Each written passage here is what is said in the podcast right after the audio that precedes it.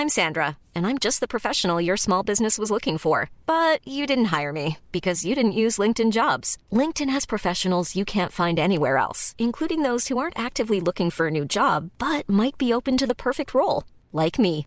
In a given month, over 70% of LinkedIn users don't visit other leading job sites. So if you're not looking on LinkedIn, you'll miss out on great candidates like Sandra. Start hiring professionals like a professional. Post your free job on linkedin.com/people today. Nu kommer attack ifrån Sugarcane Hanover som går mycket, mycket fort tycker jag. Det är så fort så jag tror att Kallit kan få svårighet att svara. Sugarcane Hanover vänder ut och in på fältet. Startbilen är i rörelse till Svensk Travderby 1987. What the horse, what the driver, nummer ett McLobel och John D. Campbell. Maharaja la Suède, Maharaja s'est retrouvé, le retour, le comeback de Maharaja le 17 på mina tillfällen. Jag trodde att det var en av de bästa hästar jag hade tränat för. Det tolkades på olika vis. Du behöver inte misstolka det längre, för det här är den bästa häst jag har kört och tränat någon gång. Tre, fyra hästar är Brädvik i upplopp som väntar sig mellan hästar två Öl Simon. Här kommer proppen! Sex Propulsion längre ut i banan har ett övertag, kort bit kvar till mål. Kihlström, Rydén, Propulsion!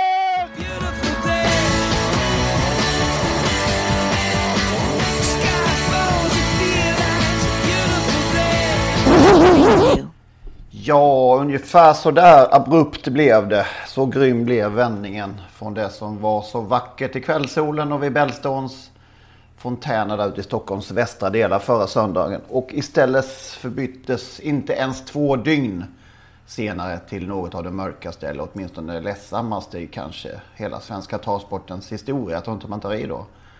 Ehm, ska du Magnus börja med att beskriva vår absurda konversation? Vi hade lite kontakt den där dagen. Eh, bara kort stund innan det här jordskalvet eh, dök upp. Ja, mindre än en timme innan, innan eh, Trav och Galoppnytt publicerar sin, sin bomb där då så hade vi en kort konversation bara om, om eh, hur bra Daniel Redén är för svensk travsport och, och min önskan att det, att det aldrig kommer fram någonting negativt om Daniel därför att det, han är så bra. Ungefär så landade vi innan vi gick iväg och tog en kopp kaffe där på Ja. varsitt håll. Det är inte så. Det är, som journalist så ska man ju vara oberoende och inte, och inte tänka så mycket om någon. Men, men det, ja, jag har haft under hela hans karriär haft så god eh, tro och eh, bra känsla kring Daniel. Och det har vi fortfarande tror jag. Eh, Det här är bara Ja, olyckliga omständigheter på något vis. Men det var så nästan oba, otäckt eh, att eh, var så kort tid emellan och att eh, vi just hade konversationen den dagen. Jag, jag, tror vi, jag tror vi kan vara överens om att eh, Daniel köpte Propulsion i god tro för ingen svensk tränare skulle köpa, eller ägare skulle köpa en nervsnittad häst och ta till Sverige. Det är ju fullständigt uteslutet. Ja, det tror jag nog vi kan eh, fastslå. Att om man har det svart på vitt när man ska slå klubban i bordet och, och inhandla hästen och står att den är nervsnittad. Det skulle ju ingen göra det som du säger. Han har ju inte köpt den med berått mod utan eh, man, man kan ju möjligen då tycka att, att eh, researchen är för dålig innan man köper den. Ja, som ni förstår, det blir ett propulsion-avsnitt det här i stora delar. Eh, Välkomna till detta 75 avsnitt med Lennart Persson, Magnus Dahlberg och mig, Henrik Ingvarsson. Eh, Ja, det är alltid lätt att gnälla på de som bestämmer och på de som står högst upp och svinga och skylla på makten och sådär, det vet vi ju. Men, men svensk travsport, SD måste ju fungera på något sätt. Det måste faktiskt det, åtminstone på en anständig nivå. Och det, är- man må, det är lätt att komma fram att det, till att det faktiskt inte gör det. Det gör inte det. Eh, var ska vi börja tycker du Lennart? Jag vet inte. Hur lång tid tillbaka du vill gå när man by- bytte ut bästa Asseroll mot, mot Adir där i Åmål en gång i tidernas begynnelse. Ja, men i modern tid, jag tror du har koll på det där.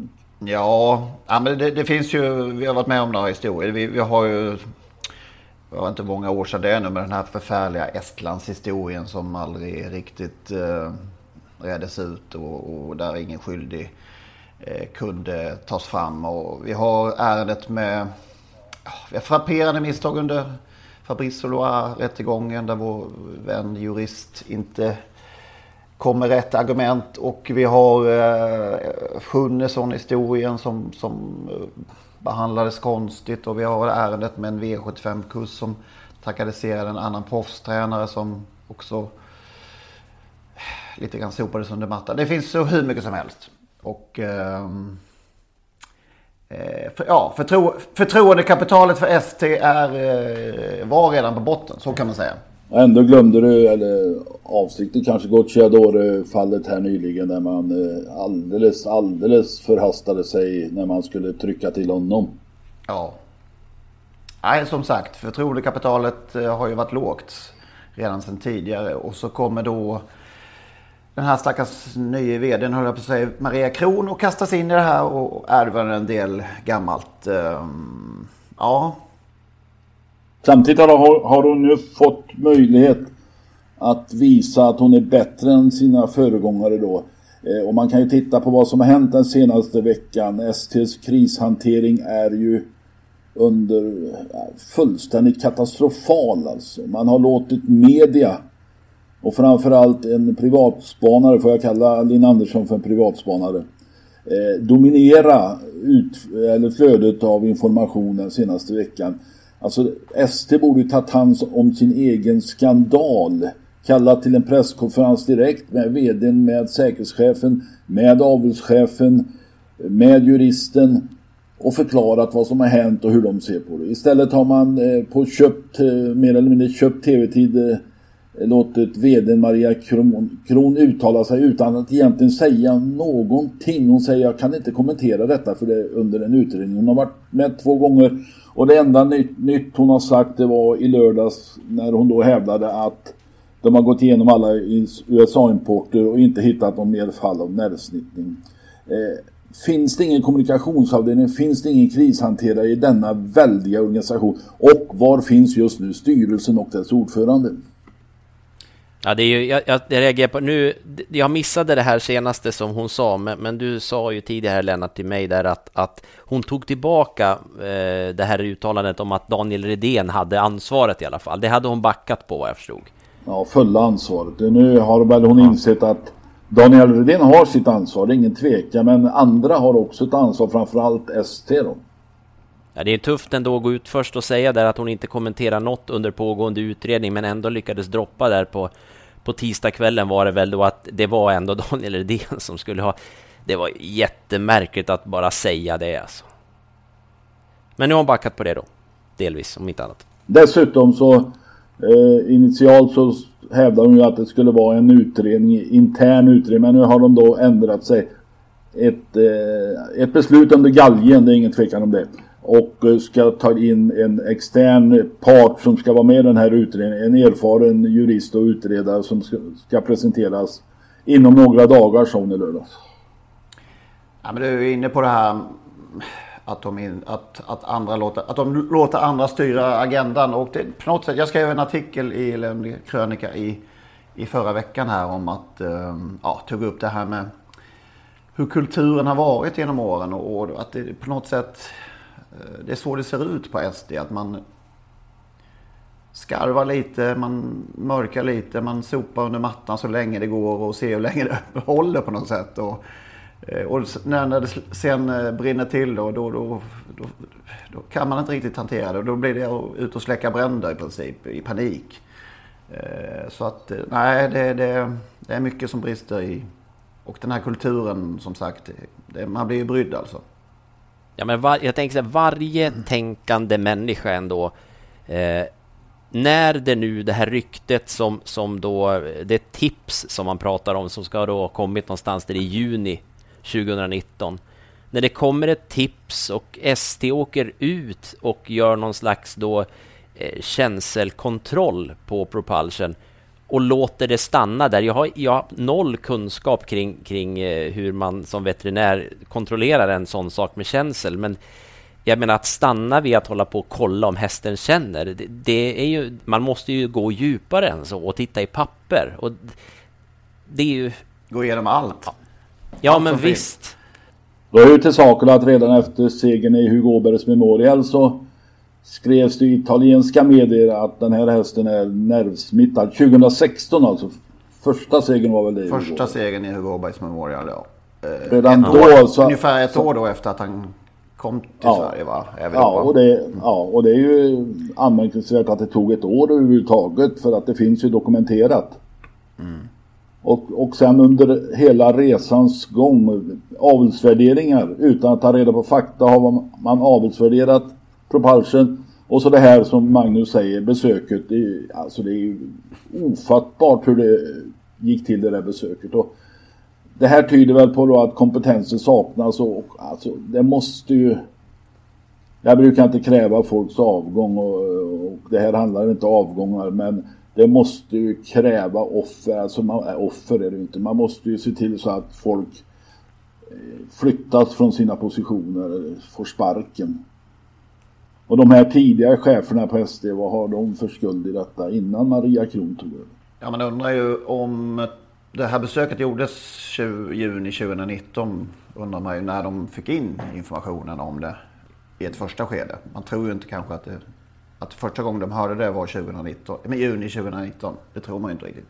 Nej. Nej, och det tog, tog ju bara någon dag för journalister att hitta de här, här papperen på, på själva ingreppet till och med. Eh, där det ju står så att säga vad man exakt har gjort och rekommendationer till, till ägaren hur man hanterar en häst som har nervsnittats och så vidare. Det, jag menar, det, det, det gick uppenbarligen att hitta den informationen om mm. man bara sökte den och det verkar inte ha varit utan att förringa någon journalists arbete så kan det inte ha varit jättesvårt uppenbarligen när det gick så fort. Nej, när, vi, när väl proppen gick ur så gick det att få fram väldigt, väldigt mycket dokumentation på kort tid. Ja. Ja, visst. Ja, men vilka är det då som ska, borde ta sin Mats ur skolan, som det brukar heta? Ja, det får ju utredningen komma fram till vilka som är ansvariga för vad som har hänt under resans gång. Men jag tycker också i, i slutändan att eh, SDs styrelse efter alla dessa märkliga historier bör ställa sina platser till förfogande. Jag tror inte de har haft någon årsstämma i år på grund av eh, covid-19 men om de har haft det, kallat en extra stämma och låta Svensk Travsport välja en ny styrelse. De bör ställa sina platser allihopa till förfogande. Sen är det möjligt att Svensk Travsport, eh, de som har eh, rösträtten så att säga vill ha de här som sitter i styrelsen. Det är ju inte omöjligt. De kan ju kandidera trots att de ställer sina platser till förfogande. Men Svensk Travsport måste få möjlighet att välja en helt ny styrelse.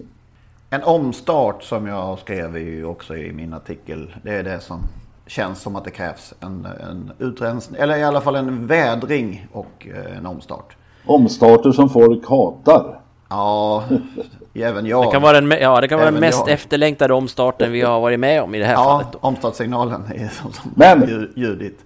Men Magnus och Henrik, vad händer nu då? Framtiden, hur ska det här sluta?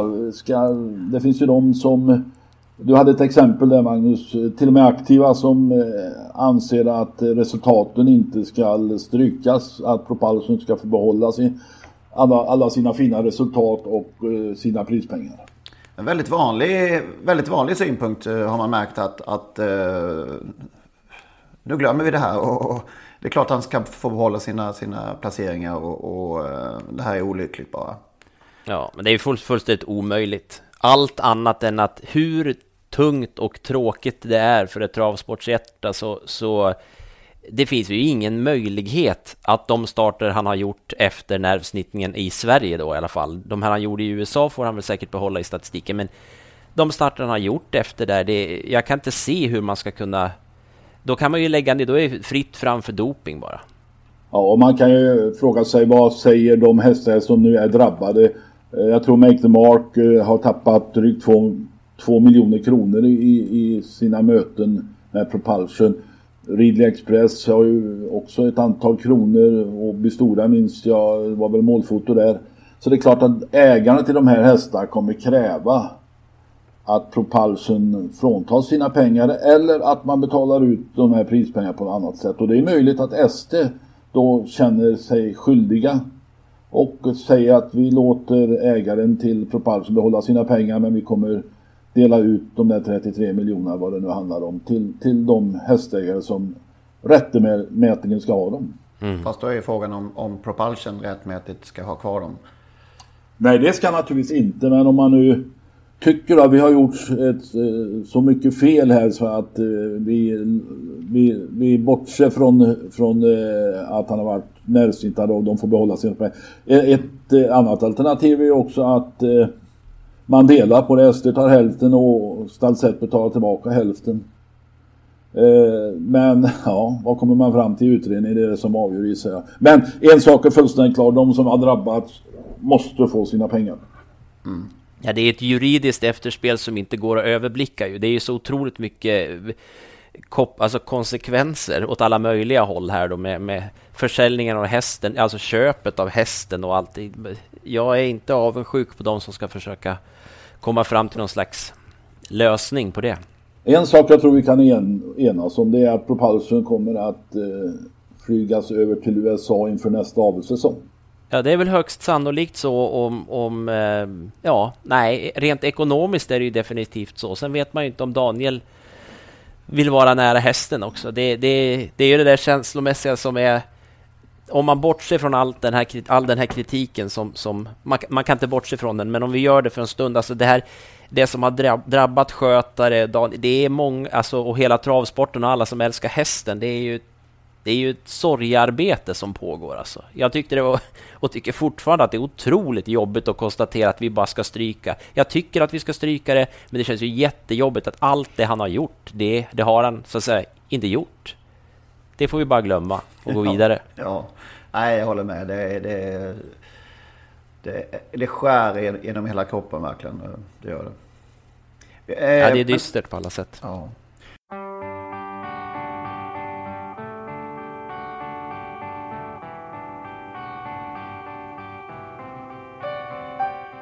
När vi ändå var inne här på um, ordföranden i Svensk Travsport, Mariana Alav Alavikola. Alltid lika svårt.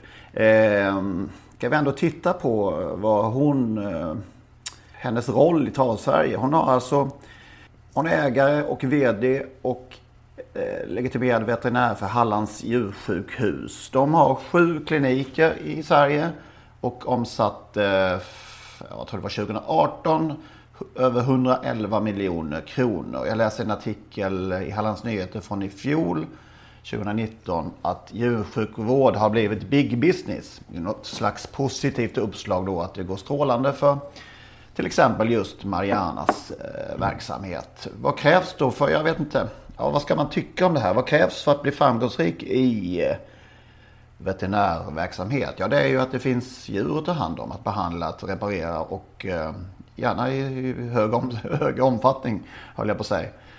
Är det här en fråga som man borde reflektera mer över? Hur lämpligt det är att SDs ordförande driver denna form av verksamhet? Vad tycker ni? Ja, det är ju en jävssituation i vissa sammanhang, det är ingen tvekan om det. Eh, sen eh, om det ska diskvalificera henne för att kunna bli ordförande i SD eller i Hallands travsällskap som har tidigare, det Ja, det, alltså de flesta i den här branschen är ju i någon form av jävssituation oavsett om de är veterinärer eller journalister.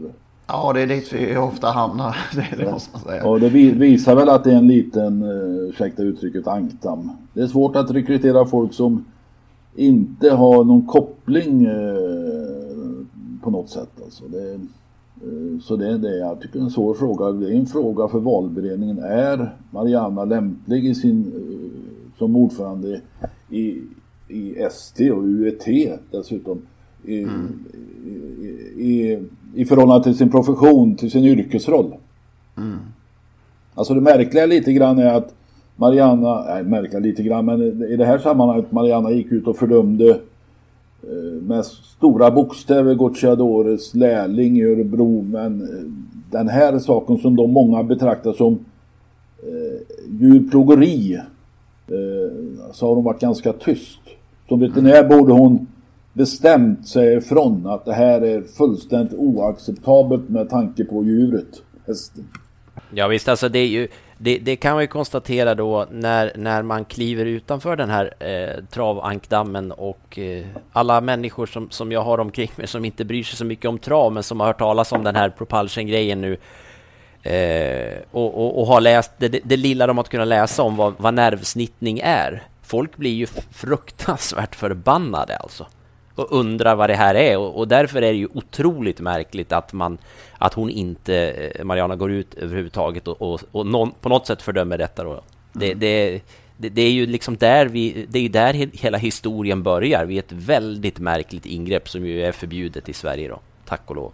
Ja, men det man kan liksom spekulera kring då och eh, det här med Mariana och hennes klinik är ju då att man som, som sagt eh, eh vad står hon i? Det har varit mycket, mycket kring den här skodebatten eh, om man ska förbjuda barfotakörning för till exempel treåringar. Eh, är det någonting som hon möjligen kan ha intresse av att bromsa upp liksom, i, i sin roll som ägare av alla dessa kliniker?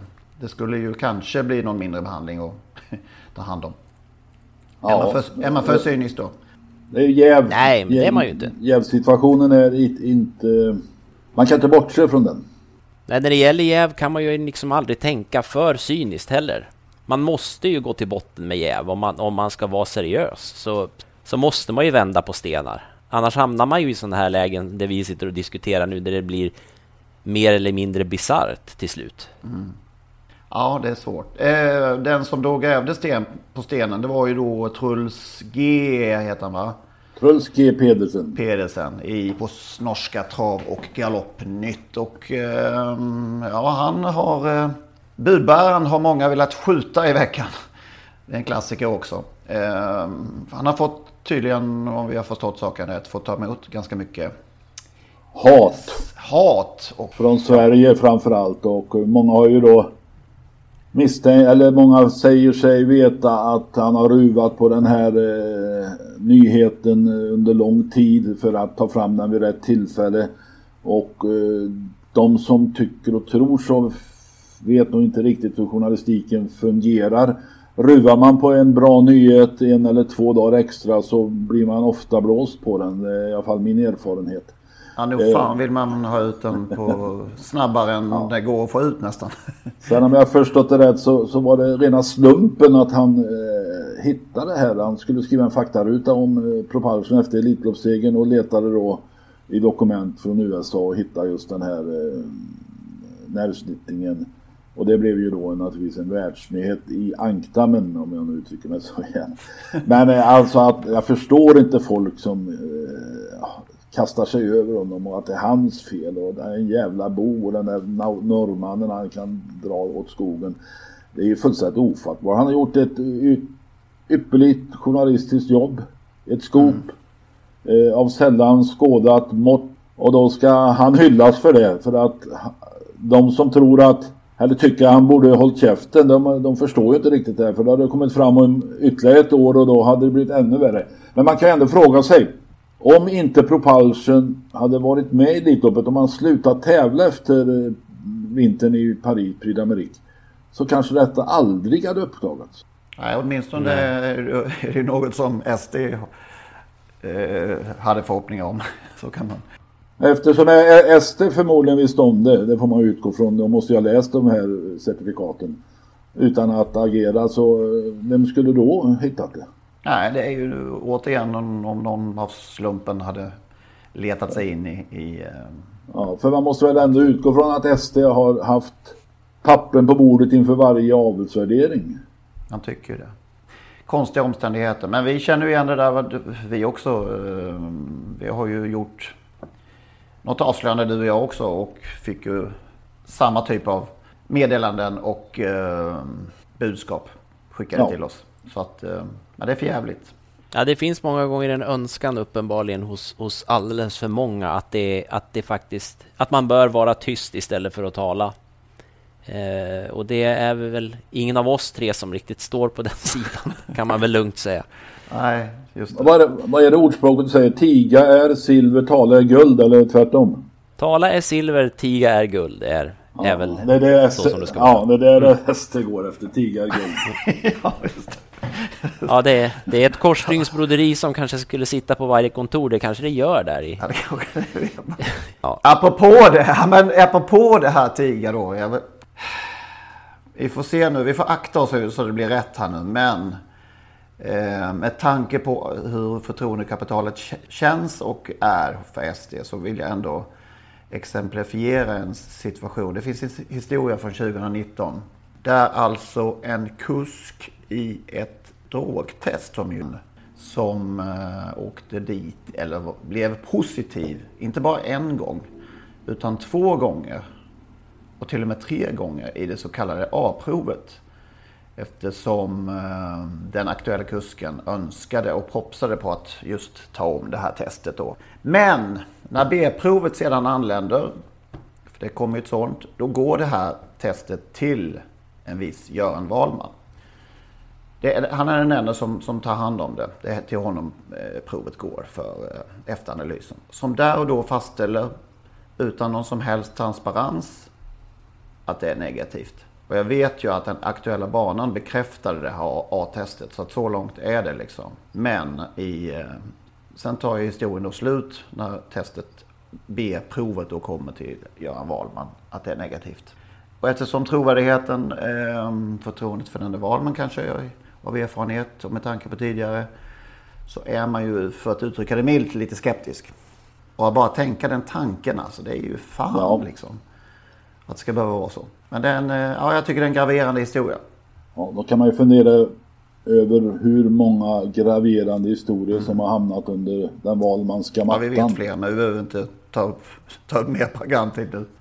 Ja, det är den, den här rädslan som, som eh, nu, svensk, när jag säger svensk travsport nu så menar jag inte organisationen utan begreppet som sådant eller verksamheten. Det är ju att, att man är så rädd för skandaler så att man tystar dem hela tiden. Och det, det, det, har vi väl lärt oss nu sedan några år tillbaka att, att tiden är förbi. Det går, alltså bara, bara detta internet, gör, det går liksom inte att mörka. Det är i alla fall oerhört mycket svårare att mörka nu än för 20 år sedan. Och det, det får fatala konsekvenser med all rätt när det sen då ändå uppdagas. Sen kanske det är lättare att mörka trav eftersom hästsportjournalisterna mer ägnar sig åt att kränga andelssystem än att eh, bevaka travsporten.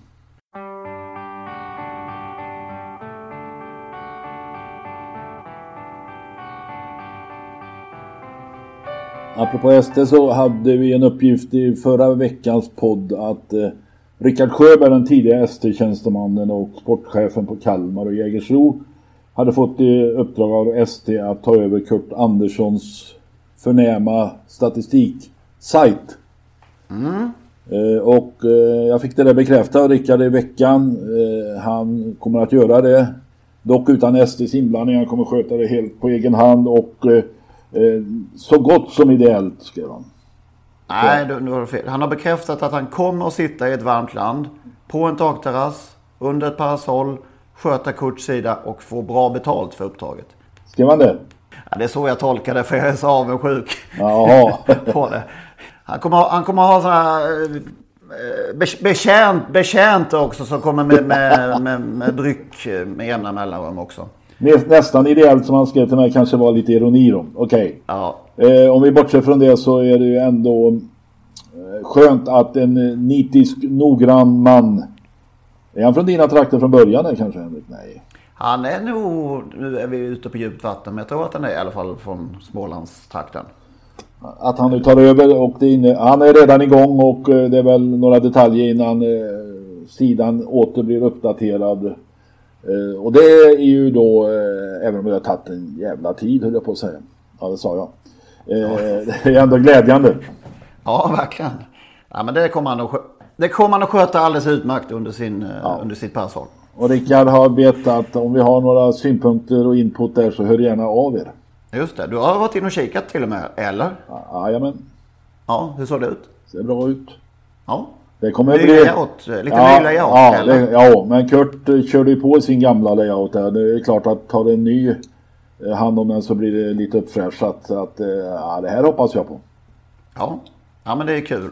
Verkligen, för det är ju en, en, en, faktabibel som vi var inne på som härligt att den kan få leva kvar. Kul. Mm.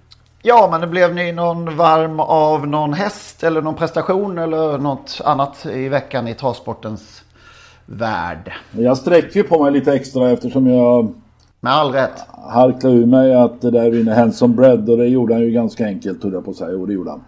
Så att det var ju glädjande. Jag tyckte ju faktiskt att han i sin årsdebut var minst lika värd en plats i Elitloppet som den häst som vann det Bergs alltså. Man, Manjor Veljo VF heter den. Mm. Den, vann, den vann ju när Henson Bredd gjorde årsdebut och Henson Bredd var minst lika bra. Det visar väl han nu att med ett lopp i kroppen var han mogen att slå de här. Men var det så eh, faktiskt då att han, eh, Ulf Stenströmer, för första gången i, ja, efter 200 frågor om, om att vara med i Elitloppet hade tackat ja den här gången? Det tror jag inte. Just det. Men han ville ändå ha det sagt att han inte blev inbjuden. Ja, men det kan, man ju, det kan ju vara en merit att bli inbjuden. Ja, han samlar ju på sådana, han blev inbjuden med Nora Spin fyra, fem gånger. Så, så, att, jag vet inte om Jörg Heines var inbjuden också, men eh, han har ju en annan, alltså man kan ju se de här eh, Nora Spin som höll på så länge och nu efter skador är en som bredd tillbaka och kommer hålla på lika länge och det kan ju vara tack vare att han säger nej till Elitloppet. Det kan vi nog konstatera att Ulf Stenström kommer aldrig vara med i Elitloppet. Ja, och till slut så viker han nog ner sig när åldern börjar nagga honom i örsnibbarna där. Så viker han. det gäller, gäller en häst också. Men här har han ja. ju en häst som, som övertygade. Men det gjorde ju även Velvet Geo. Ja, gud, hur bra var inte den? Urstark. Men vad hände då med Cyber Lane, Campo Bahia? Ja, vi, står, vi står fortfarande, du, om du tittar ordentligt så sitter jag i en skamvrå. Ja, det får vi göra Henrik ja. tillsammans och ja. eh, titta ja. ner i backen. Mm. Och ge, ge upp på Cyberlane möjligen? Ja, jag vet, inte, jag vet inte hur många av de något sämre presterande kuskarna och tränarna som kommer att hävda att den här störtskuren som kom under, att den påverkade banan och så vidare och så vidare. Det vet inte jag, men, men eh, Cyberlane var... Eh, han rörde sig väl rätt så bra tycker jag, men han var alldeles för liten. Mm. Och Campo Bahia var ju, såg så vacker och elegant ut, men det var ju en stor skuffelse. Ja. Ja, det hände ingenting. Eh, någon gång egentligen. Men det gjorde det med Barry Kronos, denna hetsiga men så oerhört fina häst. Ja, eh, tänk så... om man kan lugna ner sig och bli normal, eller på sig. Eh, vad bra det kan bli. Ja, Erik körde ju väldigt försiktigt så att säga. Han, han, eh, hade i alla fall inte... Han hade bestämt sig för att inte vara den som gjorde jobbet den här gången då. Ja, ny, nyttigt för hästen ja, säkert. Men han såg ju, såg ju slagen ut nästan där eh, när, när det blev lite tempo ut på, på slutrundan där, men han gick ju han gick lika fort som Double Exposure över upploppet och Double Exposure gick ju riktigt fort efter en liten tvärnitt där 500 kvar när Örjan skulle runda tröttnande häst. Mm. Och det där var ju ett stort framsteg för Verry Kronos tror jag. Nu, alltså, han var ju mitt i högen hela tiden och ändå sköter sig. Ja, väldigt mm. positivt. Och sen just att som han gick in i mål där. Jag, jag, tittade om på det för jag hade faktiskt missat. Det var många man tittade på men just Verry Kronos bommade att han kom mitt i, mitt i smeten där och gick som han gjorde in i mål. Det, det var en känsla var att han inte var trött ens på något sätt. Nej, nej, det var en bomb. Ja, ja. Den, den. Och jag hoppas för hästens skull och eh, kanske utveckling att han kan få någon sån här lopp eh, liknande lopp framöver. Jag tror det skulle vara väldigt nyttigt för honom. Det är klart, är man med i sådana sammanhang så behöver, alltså då får man ju vara lite passiv med en sån häst. Eh, när han kommer ut i, i som tidigare i silverdivision och sådär så stor favorit ofta och sådär. Då, då, ja, då, ja, det blir ju jobbigt. Visst, så är det ju. Ja, det är ett eh, nytt storlopp på lördag. Norrbottens... Lördag kväll som vanligt, men lite tidigare va? Nu när det är utan publik i midsommarljuset eh, där uppe i Boden. Det brukar vara en fantastisk tagkväll, men nu är det, blir det ju som, som för alla andra så mycket annorlunda. Eh, halverat prissumma och det märktes väl på startfältet också. Ja, det var eh, ganska tunt eh, tyvärr. Eh, Eh, betydligt sämre lopp än eh, det var i alla fall på förhand i Östersund. Men det är väl prispengar och det är långt att åka till Boden och det kommer tätt, tätt mm. inpå eh, Jämtlands stora pris. Och dessutom så är det väl någon häst kanske som eh, hamnar i Oslo Grand Prix dagen efter på söndag alltså. Ja, har vi fått upp någon nu? Vi ska säga vi spelar in eh, måndag förmiddag här. Har vi fått upp någon, något, något, eh, någon startlista eller några deltagare i Oslo? Vitruvio vet jag ska vara med, fjolårsvinnaren. Då med Jorma Kontio som kusk och Gocciadore som tränare. nu på söndag, nästa, nu på söndag ja, med Björn Goop som kusk och tränare. Ytterligare en italienare har alltså hamnat, ut, ytterligare en Gocciadore-häst har hamnat i Goops träning. Återvända till eh, Boden. Ja. Antonio Tabak, heter han så? Ja. Det gör han. Är med där. Han har gjort några starter med Weston och var ju så... Han mötte ju inte så mycket men vann väl på 1.09,5 i senaste starten. Det var ju nästan Mm. en... Alltså han såg ut som en Elitloppshäst då. Nu är det 2-1 kanske... Ja det behöver inte vara sämre. Spår 2 Mika Fors igen. Han gör en, som jag upplever, mycket intressant start. Även om han möter nu några Elitloppshästar. Så Make the Mark och Million Dollar Ring. Så att... Eh, ja.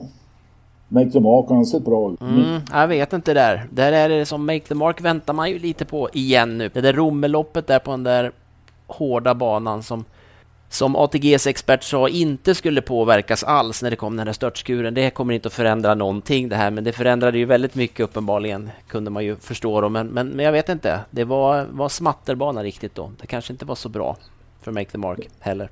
Vi får se, vi får se. Är det någon som vet hur gammal Jean-Pierre Dubois är? Ja, men det noterade jag igår faktiskt. Att han är, har fyllt 80. Nej. Jag skulle gissa på 100 år hade jag gissat på, för jag tycker att han alltid har varit med och jag börjar känna mig så gammal. Så att... Han, Han kändes gammal redan när vi började på 80-talet. Ja. han fyller 80 den 4 juli. det är så det är.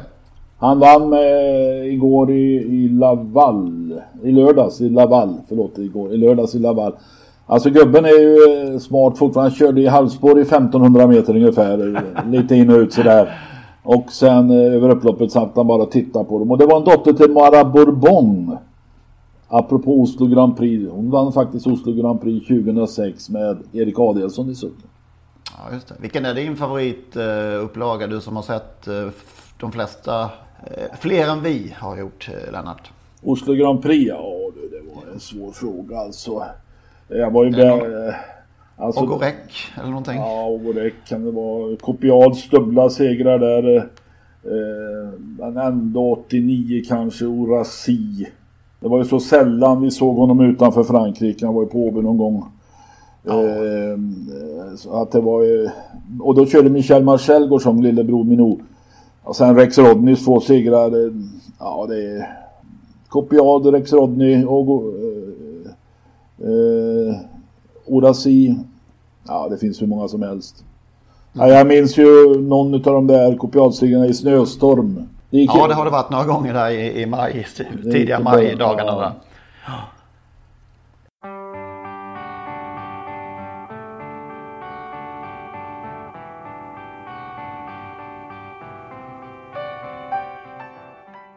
Jag måste bara säga en sak. Jag tror att vi... Vi har tagit upp Bengt Grive i den här podden någon gång eh, och jag tror till och med att jag har efterlyst den här um, Wimbledon-finalen. eh, att den skulle sändas igen. mellan Björn Borg och McEnroe från 1980. Den här enastående klassiska, fullkomligt tidlösa Wimbledon-finalen. Och nu ska den sändas. Söndagen den 5 juli. I sin helhet. På SVT. Med Bengt Grive som kommentator. Apropå Björn Borg, och Ingmar Stenmark också förresten. Läste jag någonstans på, på nätet att att ta ifrån Propulsion alla segrar, alla resultat, alla segrar eh, känns ungefär som man skulle kommit på Stenmark eller Borg har fuskat och strukit alla deras eh, framgångar, segrar och placeringar. Jaha, ja, det var ju också en liknelse. Men alltså, jag, är- jag, jag är redan eh, planerar den här söndagskvällen. Fy fan vad härligt det ska bli. Är det på kvällen? Är det på kvällen alltså? Det är Det är inte på kvällen. ordinarie starttid för en Wimbledon-final? Nej, de man- visar den på kvällen. Jag tror den börjar klockan 20 matchen. Ja, det var lite synd. Jag hade väl haft det lite mer autentiskt där, så man fått gå, Ah, okej. gått, in, ut, eller, gått in från solen och, och hört mamma säga ska du inte vara ute nu när det är så fint väder? Och sen, nej, Björn Borg spelar ju mot John McEnroe. Ja, men exakt. Apropå TV så kan man ju se mycket TV nu när man inte har så mycket annat att göra. Så såg vi en film häromdagen, jag är inte så där mycket för filmer, men en man som heter Ove. Jaha, Okej. ja. Har ni sett den? Ja, Ja, jag då. har sett den. i- Jag kände, alltså 59-60 och jag kände igen mig ganska väl. En tjurig gubbe som gick och skällde på alla och hy- hytte med näven då. Blev du så mot, i, i din eh, trappuppgång där? Ja, jag känner, känner mig sån överhuvudtaget. Eh, Eh, men det är ju sån fantastisk skådeprestation alltså. Så fullständigt, Lassgård är ju så fullständigt makalöst bra. Ja det är han faktiskt, det är han faktiskt. Alltså den här boken som Fredrik Backman skrev där eh, jag tillhör ju inte fanklubben av den. Jag, jag la faktiskt bort den efter att ha läst, eh, ja vad kan jag ha läst, 100, drygt 100 sidor. Men inledningen på boken är bland det absolut bästa jag har läst, apropå det här med grinig gubbe. Och jag tycker allting sen drar, drar iväg och blir överdrivet, men det är en smaksak. Men inledningen när han går in och ska köpa lite elektronikutrustning, den är alldeles lysande. Jag minns inte riktigt att det var med i filmen faktiskt. Eh, det kanske det var, men jag minns inte det. Men det börjar så och det är så vansinnigt bra. Så det ska jag nog läsa om igen faktiskt. Du ska inte dra den här Grive-anekdoten en gång till Lennart från eh, Budapest? Ja just det. Det, det var alltså eh, EM i bordtennis 1982. Och det var, först, det var Gio Waldners första stora final och mötte då sin kompis Mikael Appelgren. Och eh, matchen direktständes i SVT och Grive var då kommentator och vi, vi satt nära varandra där. Vi var ett tiotal journalister. Och eh, mitt i ett sätt där så sa Grive jag måste gå ut och kissa. Så la han eh, lurarna och mikrofonen vid sidan om där. Och så kom han tillbaka efter 6-7 minuter. Och så for, fortsatte han som ingenting hade hänt. 18-17, 19-17. Och så blev det då setpaus och då frågade någon eh, Har du svårt att kissa nu för tiden Bengt? Nja, sa han. Jag har med en gin och tonic också. det är fan oslagbart alltså. I direktsänd tv. Det, det, är så jävla bra alltså. Oh. Det var en annan tid kan man säga. Ja, det kan man säga. Det kan man säga. Ja, men det var skönt att avsluta. Mitt i allt ska Olof Palmes mördare också till, tillkännages den här veckan. Det är en, en, en uh, or, Olof Palme orgie för oss uh, i, som gillar den här mordgåtan. Det är någon, någon, Göte, någon Göteborgsjournalist som nu gör anspråk på de 50 miljonerna läst i tidningen. Han som, eh, som. Äh, filtjournalisten som... Eh, ja, just det. Ja. Ska, Skandiamannen. Ja. ja. man kan ju säga att utan att dra några andra jämförelser mot Propulsion, men man kan ju, om det nu landar i han Thomas Petterssons lösning där att det skulle vara den här Skandiamannen, så är det verkligen också ett sånt graverande misstag från början som får i det här fallet den där utredningen, enorma konsekvenser där man då alltså avfärdar den här Skandiamannen som någon slags hittepågubbe bara. Han var där, men allt han säger kan inte vara rätt. Jag vet, det är mycket, om det nu blir han så är det ju, kommer det att, ja, det blir ett märkligt slut på den här märkliga historien kan man säga. Knappast någon punkt för spekulationerna kommer att fortsätta i all evinnerlighet. Det kan vi räkna med tror jag.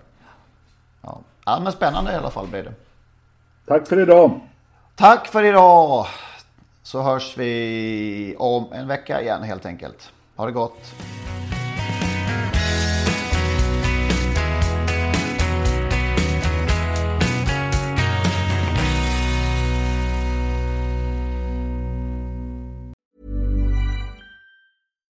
Deserves the best, and there's no better place to shop for Mother's Day than Whole Foods Market. They're your destination for unbeatable savings, from premium gifts to show-stopping flowers and irresistible desserts. Start by saving 33% with Prime on all body care and candles. Then get a 15-stem bunch of tulips for just $9.99 each with Prime. Round out Mom's menu with festive rosé, irresistible berry chantilly cake, and more special treats. Come celebrate Mother's Day at Whole Foods Market.